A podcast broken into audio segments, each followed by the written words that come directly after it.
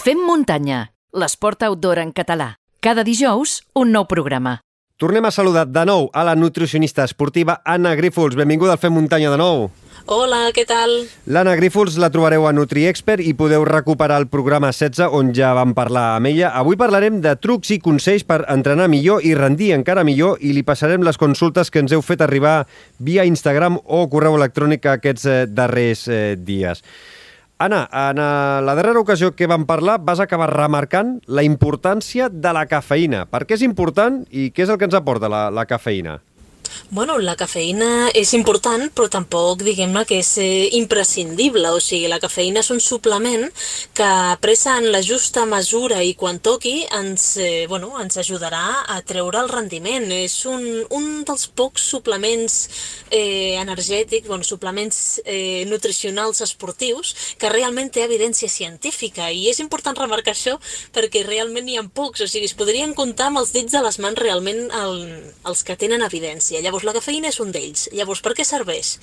Doncs precisament redueix la percepció de fatiga, augmenta aquest estat d'alerta, que tots són dos, dos coses que sempre hem buscat amb alguna competició, sobretot quan és més llarga, quan necessitem aquest punch, no?, de dir, vinga, va, necessito alguna més, aquest puntet. Però no s'ha d'oblidar de que a un 40% dels esportistes no els hi farà cap tipus d'efecte. Llavors, hem de veure qui necessita cafeïna, qui no, i qui, com que no els hi fa efecte, doncs podem prescindir d'ella perquè realment no fa falta incorporar-la, perquè també té efectes secundaris la cafeïna, Xavi. No sé si ho sabies tu, això. És possible que porti deshidratació? Ah, això mateix. Sí, sí, la cafeïna eh, provoca deshidratació, per tant hem de ser molt més eh, conscienciats, ens hem de conscienciar molt més, aprendre pues, una correcta hidratació quan la prenguem, però a més a més augmenta tot el que són el risc de patologia intestinal. Què vol dir això? Pues, aquestes situacions que tots ens hem trobat algun cop a la muntanya, que és pues, un mal de panxa, una diarrea, vomitar fins i tot, pues, tot això la cafeïna ho empitjora. Però per què ho empitjora? Pues perquè va lligat a la deshidratació. Aquests trastorns s'empitjoren si empitjora la deshidratació. Llavors, un altre efecte que té la cafeïna és que a conseqüència també d'aquesta deshidratació pot augmentar el nostre risc de rampes, així que ojo els que siguin propensos a tenir-ne. Mm -hmm. Mira, doncs ja tenim la pregunta o l'am que ens vas deixar al final de la secció del programa 16. Ja la tenim eh, resposta. A veure, Anna, hem de menjar el mateix abans d'entrenar que abans de competir? Depèn, depèn, molt bona pregunta. No sé qui l'ha fet o si l'has fet tu, Xavi, però molt bona són pregunta. Dubtes que em, aquestes són dubtes que començo amb, amb unes quantes que, que he anat fent jo i després també t'aniré passant la dels eh, nostres oients. Estupendo, doncs precisament hem de menjar el mateix que menjaríem en una competició, en els nostres entrenaments, si l'entrenament és un entrenament tan exigent com podria ser una competició. Nosaltres sabem que les nostres setmanes esportives, doncs sí, hi ha entrenaments que són molt més de base o de recuperació, però n'hi ha d'altres que anem a estrujar-nos o a fer tirades llargues. Doncs tots aquests que siguin més intensos o més llargs serveixen precisament per provar tot allò que provarem de cara a la competició. Per tant, fico un exemple. Al cap de setmana, aquest pròxim cap de setmana qui surti pues, a fer una tirada un palet més llarga pues, un dissabte o el diumenge al matí, pues, llavors que esmorzi el mateix que esmorzaria el dia de la competició. O sigui, no em val que es, que es foti les botes allà, eh, una esmorzar de forquilla i ganivet, no, no, has de simular la competició, perquè d'aquesta manera sabràs quin esmorzat va bé quan tu vagis a competir. I com que ho tindràs tastat, el dia de la competició no estaràs nerviós amb aquells de nervis d'ostres, què he d'aprendre, què em sentarà bé, què no, i provo això, provo l'altre, no, tot això, totes aquestes proves les hem d'haver fet ja en aquests entrenos nostres de la setmana. Ara, tots els entrenos? No, home, tots no, perquè com dic, doncs hi ha entrenos que són més suaus o que potser no farà falta, però aquests que tenen aquest puntet de diferencial, aquests sí que seran interessants per provar-ho. I quins aliments eh, recomanes que mengem abans de competir o abans d'aquests entrenaments eh, més específics o més intensos? Doncs mira, hi han tres elements que podrien dificultar la digestió. Vale? Per què dic això? Perquè a l'esportista, sobretot el que ha de fer prevaldre per sobre de tot és una correcta digestió i absorció dels, eh, dels nutrients perquè els hi pugui servir com a substracte energètic, perquè els hi dongui energia. Llavors, per aquest motiu, hi ha tres coses que hem d'anar en compte abans d'una competició, abans d'un entrenament intens. Quines són? Doncs és els greixos, vale? els greixos dificulten el buidat gàstric, retracen molt el buidat gàstric i fa que els aliments estiguin molt més temps a l'estómac, vale? aquí per exemple em carrego les torrades amb marmelada i mantega, o sigui, la mantega o margarina, o ho deixem a la mínima expressió que és arrastrar-ho i ja està, o simplement ho traiem i ens quedem només amb la marmelada. Vale? Uh -huh. El segon nutrient que hem de vigilar és la fibra. La fibra li passa com el greix. Dificulta també el buidat gàstric, fa que els aliments es quedin més temps a l'estómac, però a més a més, la fibra què és? És un residu, és un residu que alimenta la nostra flora intestinal, però no deixa de ser un residu que fa el nostre bolo fecal, o sigui, és, és el que provoca la nostra femta, diguem-ne. Llavors, si ens passem en fibra els dies anteriors o el mateix dia previ a competició, doncs llavors podria ser que tinguéssim que anar al lavabo o que tinguéssim alguna diarrea durant la competició. Aquí, quin exemple seria? Doncs, per exemple, els grans aficionats, aquí hi haurà molta gent que ficarà ulls com taronges, però els grans aficionats a l'avena.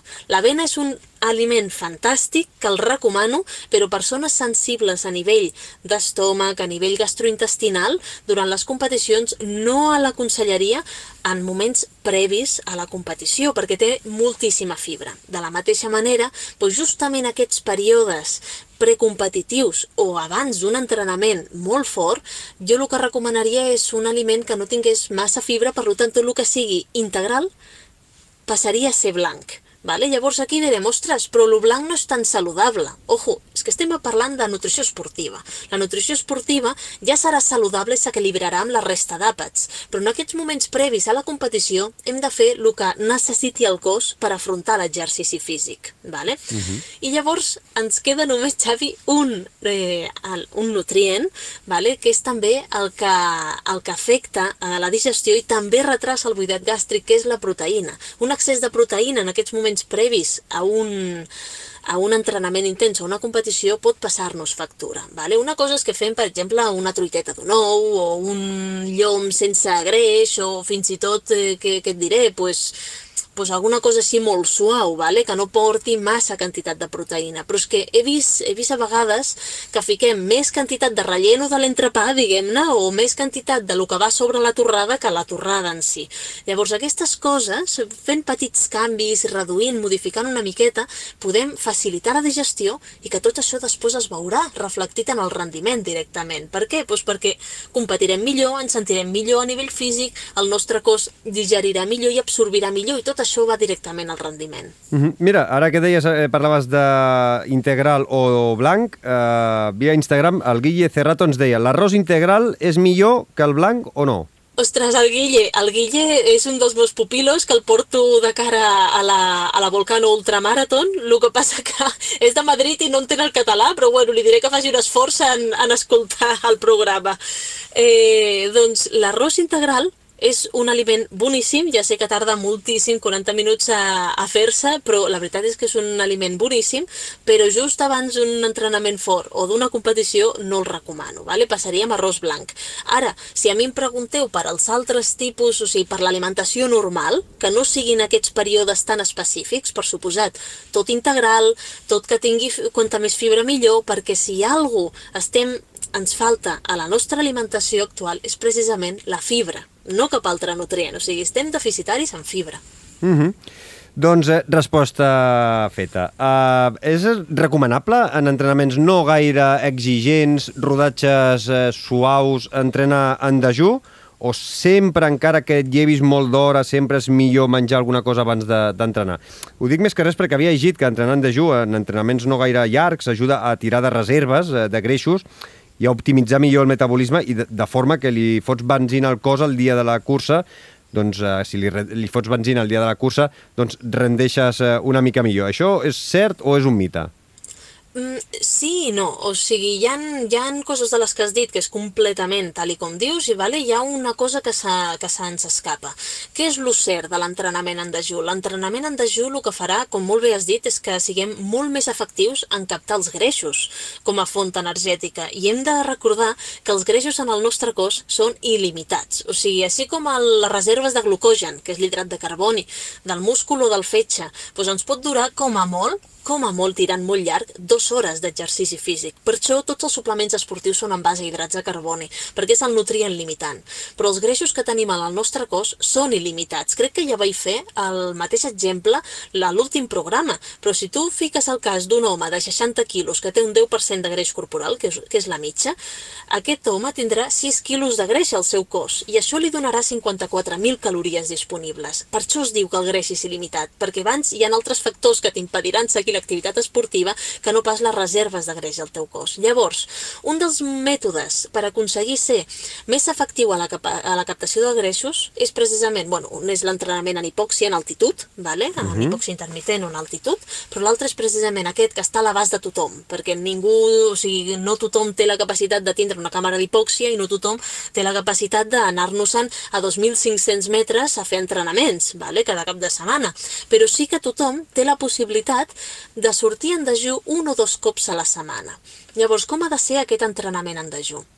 ha de tindre unes, unes característiques. Com molt bé has dit, no ha de ser un entrenament intens. Si és un entrenament intens, no ha de durar més de 30 minuts. Però un entrenament moderat, vale? a un ritme sostingut que nosaltres podem aguantar, doncs podem fer-lo durant 45-60 minuts persones molt entrenades, que ja fa molt de temps que entrenen aquest tipus de, aquest tipus d'entrenament en dejú, podrien fins i tot fer hora i quart, hora i mitja, vale? però ha de ser tot progressiu, tot molt ben pautat, perquè un dels problemes principals és que per molt bones característiques que ens pugui aportar aquest entrenament en dejú, el que pot provocar-nos després és que compensem menjant més. I llavors el que nosaltres estem aconseguint per una banda, ens ho podem carregar si amb l'alimentació no ho controlem per l'altra. Vale? Llavors, sobretot, si veiem que hi ha persones que passen molta ansietat, que després compensen molt amb l'alimentació i que mengen moltíssim després, quasi millor els diria, ojo, anem a, anem a fer un altre tipus de cosa perquè potser no és el teu tipus d'entrenament.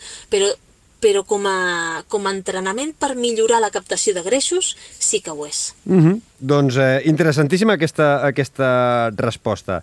A veure, abans d'una cursa llarga i exigent, eh, què hauríem de menjar la nit abans, per exemple? Molts hidrats i també quina importància té la, la, la hidratació prèvia? Dos preguntes en una. Molt bé eh, comencem per al tema dels hidrats. Quan tu fas una cursa exigent, vale, no només és el dia previ, sinó que pràcticament és la setmana prèvia que hem de començar a preparar el cos. Vale? Primer es fa una... Bueno, es pot fer una supercompensació, supercompensació de glucogen, que és pues, reduir la quantitat d'hidrats els primers dies per augmentar-la després. D'aquesta manera, les reserves de glucogen del nostre cos augmenten una miqueta, vale? però el que sí és veritat és que els dies anteriors hem de menjar sense fibra, vale? no passar-nos amb els greixos i prioritzar sobretot els hidrats de carboni. És que precisament el, quasi, quasi es diria que ens estem alimentant aquells últims 3 dies d'un 70% d'hidrats de carboni, que pot ser una borrada, però bueno, de per si un esportista potser és un 60 el que està prenent a diari. Llavors, pues, hem d'incrementar-ho, sobretot el que dèiem, que no sigui integral, que sigui, pues, si hem d'escollir, pues, en vez d'arròs integral, arròs blanc, pasta integral no, pasta blanca, vale? i tot això anar-ho escollint bé. I llavors que estiguin els aliments molt passats. Com més passats em refereixo a molt cuinats, vale? Mm -hmm. que no estiguin verds, que estigui cuinat, poc, eh, poc aliment cru, perquè d'aquesta manera digerim molt millor. Vale? Llavors, no és només el dia, la nit anterior, sinó tots els dies anteriors. Ara, si em pregunta aquesta persona específicament, va, dona'm un exemple de dinar, ai, perdona, de sopar de la nit anterior. Bueno, pues un exemple de sopar de la nit anterior que a mi m'agrada molt, per exemple, és l'arròs la, a la cubana, vale? un, un arròs blanc, molta quantitat, la que siguem capaços de tolerar, tampoc, tampoc quedar-nos allò... Do, dos quilos de, eh? dos quilos d'arròs blanc, no cal, no cal. No, no, però això, arròs blanc amb una miqueta d'oli o una miqueta de nou moscada, vale? la salsa de tomàquet, a qui li senti bé perfecta, a qui se li faci molt àcid a l'estómac, no passa res, podem prescindir d'ella. I després, pues això, pues una truiteta o dos ous a la planxa, no fregits, vale? a la planxa. Uh -huh. I després el, el plàtan, que el podem fer a la planxa també, un plàtan madur, que no estigui verd. Llavors fixa't que tenim els hidrats del plàtan, els hidrats de l'arròs i després la proteïna de l'ou, que podem canviar l'ou a qui no li agradi per una petxuga de pollastre, per tofu, per seitan. Vale? O sigui, coses. aquí hi ha, hi ha opcions, però fixa, fixa't que estic dient coses que no tenen massa greix. O sigui, això és Ara, principal. ara ja et pregunto, reduir- una, una pizza, per exemple, la, la nit abans, és correcte? Una pizza d'aquestes que no, no, no, no, o sigui, no industrial, eh? feta per nosaltres amb menys formatge, per exemple, i posar per sobre, doncs, què diria jo, una mica de pavo o, saps? Vull dir, coses amb, amb, amb, una miqueta de proteïna i sobretot la pasta de, de, de, de la pizza. Fantàstic, va? Fantàstic. Perquè tu has dit Una mica de blat de moro, per exemple, una, alguns dàtils... No sé, dic coses que, a mi, Aquí està, per exemple, a mi podem- m'agraden i, i queden bones eh, sobre una pizza. Sí, sí, podem fer una pizza, en aquest cas jo el que diria és bueno, que la massa sigui més gruixuda, que no sigui, o sigui, la podem fer nosaltres a casa, una massa tipus de pa, l'estirem, que sigui una miqueta gruixudeta, i llavors fiquem a sobre això, doncs el tomàquet, el carbassó, el que tu deies, aquestes proteïnes més fàcils de digerir, fins i tot els dàtils, no se m'havia ocorregut això, però pot ser una bona idea. I el blat de moro, per què no? Llavors, què reduiríem aquí? Tu mateix ho has dit, o sigui, no ficaríem embotit, embotit processat, tipus salchichón i això Sí, ens oblidem, Frankfurt també fora perquè porta massa greix, però sí que podem ficar el pavo, sí que podem ficar soja texturitzada, sí que podem ficar altres opcions, fins i tot un ou a sobre. I què reduiríem també? Pues el, el formatge, com molt bé has dit, perquè porta moltíssim greix. I aquí estaríem fent una pizza fantàstica com a pre sopar precompetició. Vinga, te la compro. Uh, I la hidratació, importantíssima, no?, abans dels dies previs, però cal passar eh, allò que a vegades veus molta gent bevent aigua, a vegades eh, inclús abans de la Marató de Barcelona veies eh, gent per Barcelona amb aquelles ampolles eh, amb beguda isotònica do, dos dies abans, quan anaves a buscar el, el, el, eh, el, el dorsal i, i veus gent bevent aigua en bidons. I... Cal tanta hidratació o s'ha d'anar vigilant per no passar-nos?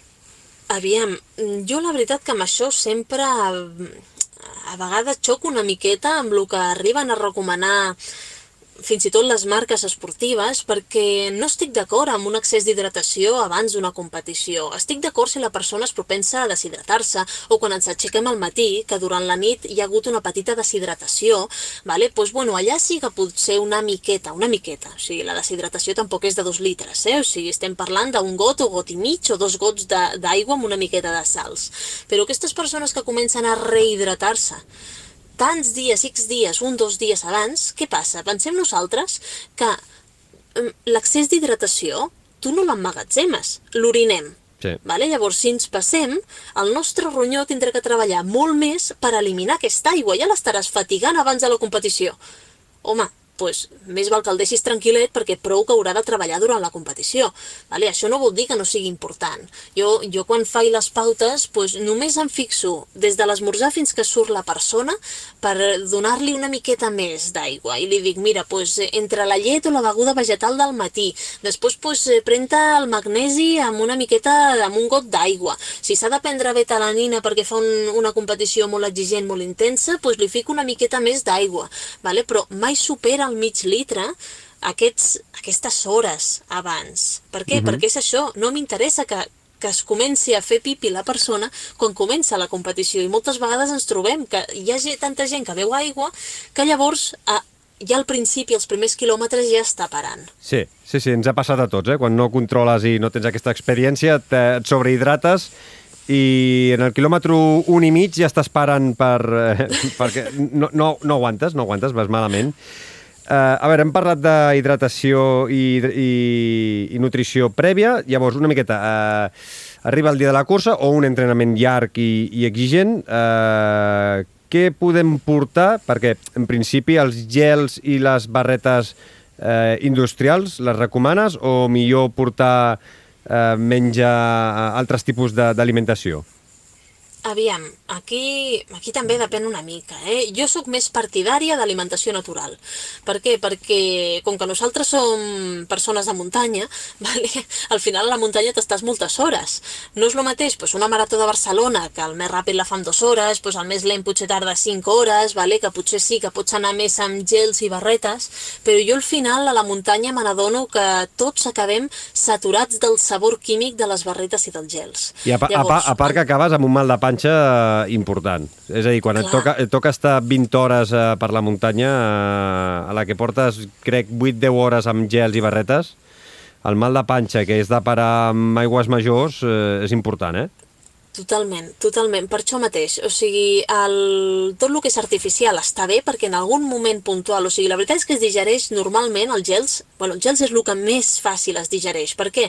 Perquè no té fibra, no té greix i no té proteïna. És només hidrat de carboni. Llavors això és molt fàcil de, diger de digerir-ho. Ara, bueno, de digerir-ho, d'absorbir-ho. Ara, sí que és veritat que té un sabor molt intens, és molt dolç, si tu prens des del principi de la competició, acabes amb l'estómac patat, que és el que t'ha passat a tu. Sí, sí. Però si el reserves per al final, per aquests moments on tu ja estàs cardat, que no t'entra res més, el gel és molt còmode perquè li fas, pues això, un, un, una xupada i ja està, i el tens pres. I d'aquesta manera, de seguida, als minuts ja tens l'energia i ja t'oblides fins la següent presa. Vale? O sigui, fixa't la diferència. Si tu comences des del principi, t'agobies a gels i el teu estómac els acaba rebutjant. Però si jugues amb l'alimentació natural i deixes els gels en aquells moments específics, serà llavors quan seran bons. Vale? Per això sóc tan partidària de lo natural, de fer-nos fins i tot les nostres pròpies barretes, que vaig penjar una recepta a l'Instagram precisament de les barretes. Correcte. De fer els nostres, els nostres propis gels. La gent em pregunta, però què són això que portes tu a la muntanya? Doncs pues, precisament el que porto són potitos de bebè de fruites. Són aquestes bossetes I, que, que, que pots xarrupar directament, que és com, com eh, sí. fruita triturada directament? Això que, mateix, que estan en el això supermercat. és el mateix, és el mateix a un gel és el mateix, i va de conya, és fàcil de digerir, és fàcil d'empassar, no té el sabor aquest tan químic perquè està pensat per als bebès, llavors això ja li treuen tota aquesta química, és, bueno, porten algun conservant, però ja està. Llavors això està molt bé perquè entens de tots els sabors, totes les marques, i costa que, que t'avorreixis, de tots els tamanys també. Això m'ho apunto, sí, això m'ho apunto, apunta, que és molt interessant. Apunta. Això dels potitos aquestes, aquests que venen ja, amb, amb, amb, que a més a més venen en tap, vull dir que pots pots utilitzar-lo sí. un parell de vegades tranquil·lament. Sí, bueno, però la quantitat d'hidrats que porta és justeta, eh? O sí, sigui, de, un potito te de prendre sencer. és un, una, una presa. Sí, el bo és que t'hidrata a la vegada, perquè hi ha potitos que tenen bastanta quantitat d'aigua. Llavors, no només serveix per als hidrats, sinó que a més a més t'hidrata, sobretot aquests que són més líquids. Molt bé, doncs eh, hem parlat de gels eh, per, de forma natural per poder menjar durant un entrenament o durant una competició Parlem, de, per exemple, de, de productes que moltes vegades m'he trobat eh, en avituallaments de, de les curses. Faré una llista i després tu fas la, la teva, mm, les teves reflexions. Eh? Coses que m'he trobat, si estan més o menys correctes o hem de prescindir de ni, ni, ni olorar-ho.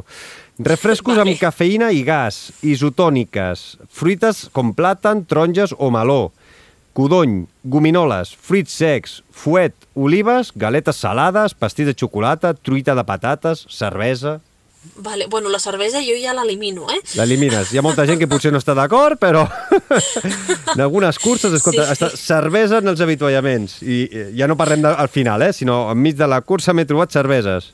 Sí, sí, o sigui, parlem de Durant, eh? Durant, sí, la sí, cervesa sí, l'elimino, precisament per dos motius. Primer per l'alcohol. L'alcohol és un tòxic. Tu estàs competint, estàs fent un sobreesforç, ja estàs creant prou toxines perquè a sobre li donguis les toxines que porta l'alcohol. Que sí, que em diri, eh, ara hi haurà molta gent que dirà, ah, però és poca quantitat. Sí, però no deixa de ser alcohol.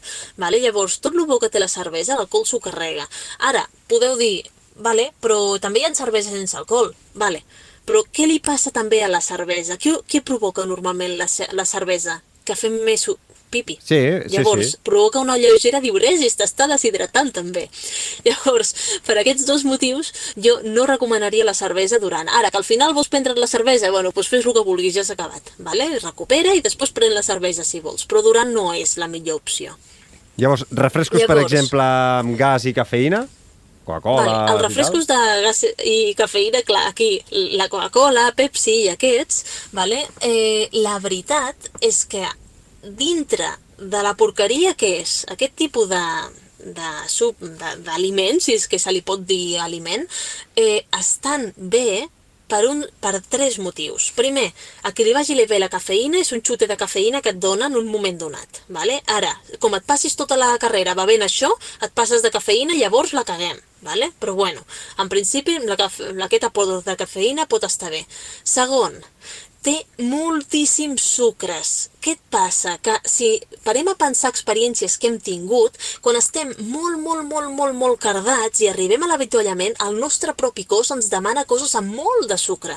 I fins i tot ens n'anem a la Coca-Cola i anem a demanar Coca-Cola perquè necessitem aquest sucre. Per què? Perquè ens porta un xute de sucre impressionant. O sigui, ens ajuda a recuperar la glucosa que hem perdut i a superar aquests moments de pàjara. Què passa quan arriben amb hipoglucèmia els corredors a la carrera? Pues que si t'agafa l'infermer o el metge, et fica glucosa en vena o et dona un, un, un got d'un refresc amb molt de sucre, vale? o aigua amb sucre. Pues aquest és un motiu per al que la Coca-Cola pot estar bé, però després hi ha un altre motiu, i és que porta bicarbonat. I el bicarbonat és el que li diem un tamponador, vale? Mm, tampona l'àcid làctic. L'àcid làctic és això que ens pot provocar aquesta saturació muscular. Saps aquest agarrotament de múscul Sí, que ens pot donar en algun moment? Vale? Doncs els tamponadors ajuden a que dreni més ràpid l'àcid làctic. Llavors, estarem ajudant sense voler a recuperar més ràpid el múscul. Són aquests els tres motius per als quals el cos, sense donar-nos-en, a vegades ens tira cap a la Coca-Cola. Que en altres moments, i és el que dic, que una cosa és l'alimentació esportiva o durant la cursa i l'altra l'alimentació normal. Jo durant les setmanes normals no la recomano però ara, durant la competició, pot ser interessant en alguns moments. Què li passa a la Coca-Cola? No és una isotònica. És una beguda que porta sucres, que porta bicarbonat, que porta cafeïna, però no porta sals. Per tant, si prenem aquesta beguda i volem seguir estant ben hidratats, hem de prendre sals a part, perquè si no, podem provocar el contrari, podem tindre més deshidratació. Podem mesclar, eh, eh, podem mesclar Anna, per exemple, aquestes pastilles de sals que venen amb la Coca-Cola? És a dir, pots prendre una pastilla d'aquestes de sals amb, amb, amb un Sí. got de Coca-Cola? Sí, exactament. Perfecte. I de les altres coses que hem dit, bueno, isotònica, que suposo que cap problema, fruites com plàtan, taronges i meló es pot menjar durant la, la cursa, no hi ha cap mena de problema, menjar fruita? No, no hi ha problema. Aviam, hi haurà qui potser li senta malament el plàtan verd. Normalment el plàtan madur se, se tolera molt millor perquè hi ha més quantitat de sucres, vale? no hi ha Sí. tants almidons resistents, però a vegades per la competició és difícil agafar plàtans madurs perquè es fan malbé molt ràpid. Sí. Llavors, normalment a l'avituallament els trobem sempre verds. Això tingueu-ho en compte, perquè persones sensibles potser el plàtan no seria una bona fruita a escollir. La taronja. La taronja, jo sempre dic, trobem els, els gajitos, no? aquests trossets Sí. Que ens fiquen en, en quatre o en sis parts la taronja. Mosseguem-la i xupem el líquid, però no ens en passem lo blanc, perquè lo blanc és fibra. Vale? Lo mateix estaria amb la llimona mandarina o tal si ens trobem a les competicions. I després ens trobem normalment meló i síndria. La síndria acostuma a donar pocs problemes perquè és pràcticament tot aigua, ens ajuda a hidratar-nos, no hi ha problema, ens la podem menjar sencera. El meló, persones sensibles porta més fibra, pot, eh, bueno, eh, i pot ser que ens senti malament. Perfecte. I de, suposo que fuet res... Eh, no, sisplau, tot el que són embotits processats fu- Fuets, fora. olives i, i fruit. Mira, mira, les olives eh, les passo. Sé que, són, que és greix, o sigui, és una fruita greixosa, però per què les passo? Perquè són salades. Ah. Vale? Llavors, en aquestes competicions tan llargues, potser, jo que sé, una Valls d'Àneu, una Vall d'Aran, BioTMB, que la farem, bueno, la farà aquest any, si tot va bé, pues, eh, estarem allà. Competicions d'aquestes més llargues, al final, pues, sí que es necessita aquest toc salat, vale? Llavors, aquí, les olives passo. Les patates fregides no. Per què? Les, pat per, pues perquè les patates fregides porten oli fregit. Sí. I això no és el millor, vale? però les olives, bueno, les olives estan macerades amb sal, és diferent, vale? és un pèl més natural que la patata fregida. La truita de patates, fantàstic. Salat, hidrat de carboni i proteïna, estupendo, o sigui, aquí res a dir. El pastís de xocolata, home, si és tipus aquest pastís energètic de gato Sí, sport. és tipus doncs brownie, bé. no? Un tipus, un tipus brownie que sigui així més de xocolata... Sí, bueno, pensa que el brownie porta una quantitat de mantega que no veas, eh? Però bueno, si fas un pastís així que no porti gaire mantega, fantàstic. O sigui, però el que has de vigilar són els greixos. Per això et dic, dic tipus gatosport, que sigui, que sigui més, pues, una miqueta... Ai, no sé com, com dir-t'ho. Bueno, mira, si mires, si mires tu els nostres oients receptes del meu Instagram, tinc tres o quatre pastissos energètics que hi ha alguns dels meus corredors que se'ls tallen a quadrets i se'ls enduen a córrer. Vale? Per què? Perquè són adequats també en pre i en durant l'entrenament. Doncs els tindrem en compte, eh? Buscarem vale. i, i, els farem, i els farem a casa. Hem parlat de nutrició prèvia i durant i parlem, eh, res, eh, breument, d'alimentació post. Eh, quanta estona tenim per menjar després d'un entrenament exigent o després d'una competició? El que, això que es coneix no? com la finestra metabòlica. Sí, la finestra metabòlica, aviam, és important, sobretot, si a nosaltres ens espera una cursa en un període curt de temps, ¿vale? O sigui, si nosaltres resulta que en 15 dies, 3 setmanes o un mes tenim una altra cursa, hem de fer molt cas a la finestra metabòlica, no només en la competició, en els nostres entrenos exigents també. Llavors, abans es creia que teníem fins a dues hores i mitja per recuperar, que això era fantàstic, perquè dius, ah, mira, doncs arribo, estic amb els amics, no sé què, no sé quantos, i després me'n vaig a dinar. I ja més o menys és aquesta, aquest aquestes dues hores i mitja. Però no obstant, s'està veient de que com més a prop estiguem a la competició, més ràpid es capten les proteïnes, més ràpid es capten eh, tots aquests hidrats de carboni que van a reposar un altre cop tots els nostres magatzems. Vale? Llavors, quina és la meva recomanació? Doncs pues, aviam, no tothom té gana no tothom es, fa, eh, pues es pot fer un primer i un segon després d'una competició, però sí que un batut casolà o un recovery artificial, vale, pues el podem tenir preparat allà per quan arribem, cluc, ens el prenem i ja està. I després fins a l'hora de dinar, que no passin més de dues hores i d'aquesta manera ens assegurarem recuperar correctament. Mm -hmm. és import... Què és més important, menjar o hidratar-se? O les dues coses a la vegada amb aquests batuts?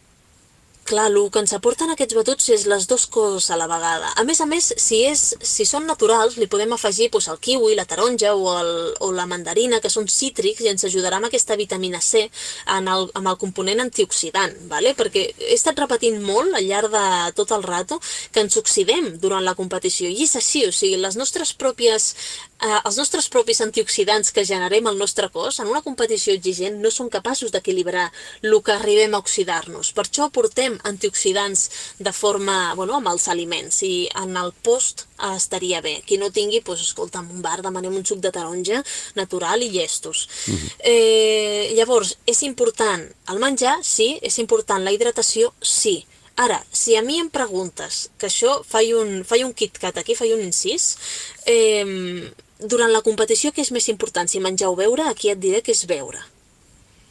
Hidratar-se amb les seves sals, o sigui, tant amb sucre com amb sals. Sí, sí perquè de, per la deshidratació hi poden haver conseqüències molt greus. Per no menjar, mira, et donarà una pàjara i com a molt et desmaiaràs, eh, en casos molt greus, però si no el teu cos tirarà de greixos i li costarà més o menys, però anirà tirant.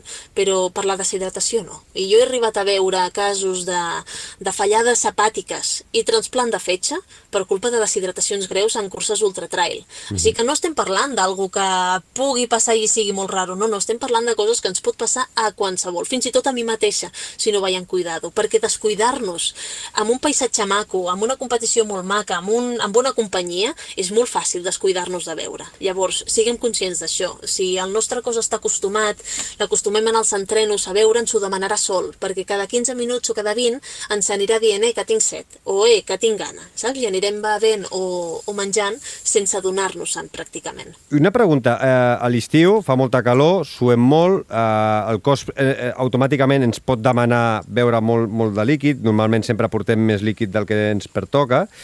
Uh, a l'hivern potser ens passa que no tenim tanta set, uh, no, ens creiem que no suem tant, i és possible que a l'hivern també puguem tenir grans deshidratacions per culpa de que fa fred, estàs sortint a córrer a 0 graus uh, i, i no tinguis aquesta sensació de set o no et vingui tant de gust eh, beure aigua. Sí, totalment. Aviam, a l'hivern què passa? Que ens descuidem una miqueta, no? Perquè no és agradable beure d'un bidó amb aigua freda. Llavors, jo sempre ho dic, home, així com a l'estiu us recomano que congeleu els bidons, almenys un dels dos, un a la nevera i l'altre congelat. I d'aquesta manera podem anar tirant del fresquet de la nevera i quan l'acabem doncs, tenim el congelat que ja està fresquet, ¿vale? o sigui, això ens dona per moltíssimes hores. Però què passa? Que a l'hivern pues, l'estratègia és bueno, escalfar una miqueta, tampoc es pot escalfar massa perquè el soft no deixa de ser un plàstic, vale? i llavors bueno, a l'hora estarà igual, igual de fred com si no ho haguessis escalfat però això no vol dir que no haguem de beure, perquè com tu has dit ens deshidratem igual. Jo amb això els hi començo a fer, fer ja testos de deshidratació al, als meus esportistes que és tan fàcil com que et pesis just abans de sortir i et pesis just a l'arribar. I si rossa el quilo el que tu has perdut amb un entrenament d'hora i mitja, ojo, comença't a alarmar, és que necessites veure més. Uh -huh. vale? Llavors, sí que és veritat que, bueno, perdem una miqueta aquest interès al veure perquè el cos no, una, no ho demana, però això no vol dir que no ho necessiti. Uh -huh. Molt interessant de fer aquest, aquest test. A veure, tinc unes quantes preguntes, tres preguntes d'oients i em queden tres o quatre preguntes meves. Mira, et passaré... A veure, ara estem, per exemple, en època de calçots. Eh, sortir a entrenar, fer un entrenament eh, potent i després eh, calçotada a casa eh, amb la bombolla, que és l'únic que, que podem fer. Calçotada sí, calçotada no. pues què t'he de dir jo si sóc catalana? Pues clar que sí. Però, o sigui, si tu arribes d'entrenar i vas a fer una calçotada, que jo ho he fet algun cop, d'arribar a entrenar i plantar-me la vinya amb uns pares a la calçotada, sempre que hi hagi un hidrat de carboni, sigui un boniato a la brasa, sigui patata a la brasa, saps? O sigui, això que es fa amb les, amb les cendres, per què? Perquè necessites l'hidrat de carboni. Llavors el calçot no deixa de ser una verdura, fantàstic, i després ho acompanyaríem amb una miqueta de proteïna o altres verdures a la brasa i és, jo crec que és un menjar de recuperació i, ideal, sempre que no ens passem, perquè després qui, qui sí. vagi a fer calçots i una super barbacoa, malament, perquè tampoc es tracta de passar-nos de greix i de proteïna. Mm -hmm, perfecte. Mira, a veure, consultes dels, dels oients. El Vins Ric ens diu, esmorzar cada dia pa torrat amb pa un 95% es considera carn processada? Aviam, si vols assegurar-te de que no sigui processada, utilitza el, el pit de pavo no, normal, el fas a la planxa tu a casa i llestos, perquè tot el que estigui elaborat és processat igual. Mm -hmm. Perfecte. Raül Orgales ens diu, quants àpats diaris cal fet, 5 o 3? Aquí, si et dic jo la, la quantitat d'àpats que fan els meus esportistes d'ultradistància, et diré que entre 6 i 7. Per què? Pues perquè tens l'esmorzar, el mig matí, el dinar, el preentreno, el postentreno, el sopar i el ressupor. Això en els casos que es necessiti més calories. Llavors, eh, amb tres àpats una ultradistància o una persona que entreni moltíssim, que tingui un, ga un gran gasto calòric, és difícil de portar-ho tot amb aquests únics tres àpats. Per què? Pues perquè són moltes calories a portar. Potser necessites en cada àpat 1.000-1.200 calories. És que pot arribar a ser massa pesat per l'esportista. Per això s'acaba segmentant. Ara, si em dius, ostres, és que és fer-ne set, fixa't que tu has separat que el ressupor estem parlant d'un got de llet o un got de beguda vegetal i llestos, eh? Però acaben sent més petites ingestes, més separades al llarg del dia per aconseguir pues, aportar totes les calories. Que no necessites tantes calories? Bueno, pues, potser amb 5 àpats en tens prou, però 3 per un esportista que faci molt de volum d'entreno potser justet. Mm -hmm. bueno, I una pregunta que ens havia enviat també l'Albert 13, que hi ha quedat resposta durant la conversa, gels o menjar en carrera, ha quedat uh, resposta uh, que deies que sí. millor menjar a l'inici i, i els gels i les barretes uh, ja siguin artificials o casolanes, sempre millor tirades cap, a, cap a, al final de, de la competició. Totalment. De fet, si, si em fas dir un percentatge, jo potser et diria que amb una ultra estem parlant de que un 80% hauria de ser natural i un 20% artificial. Perfecte. Com podem saber, també ens havíem fet arribar aquesta pregunta a través d'Instagram, com podem saber el nostre, pre, eh, el nostre pes òptim? Eh, cal venir sí o sí a la consulta o hi ha alguna forma una mica casolana de, de saber-ho? Mira, aquesta pregunta és una de les que més em fan a consulta. O sigui, els esportistes arriben i el primer que et pregunten és que no els importa saber si tenen un percentatge de greix o de múscul saludable, no.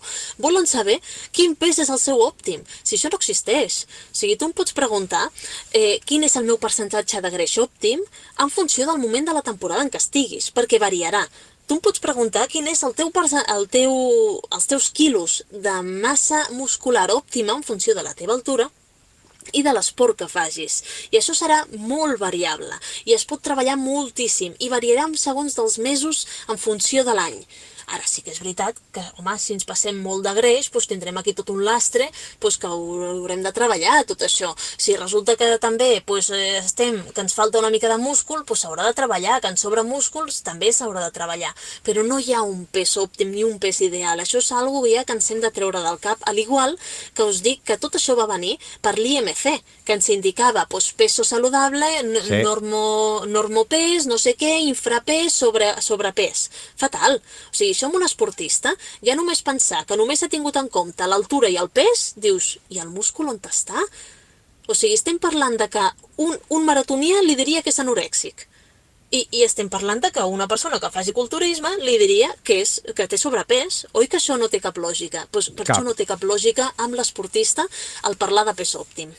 Doncs, eh, com sempre, parles clar i et fas escoltar i només hem estat eh, 40 minuts. Em sembla que et dec una, una cervesa perquè ja, ja vam quedar que dic, a veure si això eh, podem eh, escurçar-ho a 20 minuts i la conversa només ha durat 40 minuts.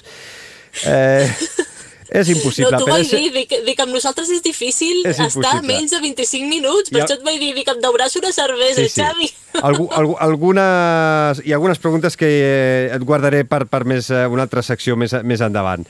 Com sempre, Fantàstic. Anna Grífols, eh, un plaer parlar amb tu, eh, sempre se n'aprèn molt, esperem que els nostres oients també n'hagin après, eh, la trobareu a Instagram, deixarem l'enllaç a les notes del programa i també a nutriexpert.com. Moltíssimes gràcies, cuida't molt. Fins la propera. Igualment, una abraçada. Visita la nostra web femmuntanya.cat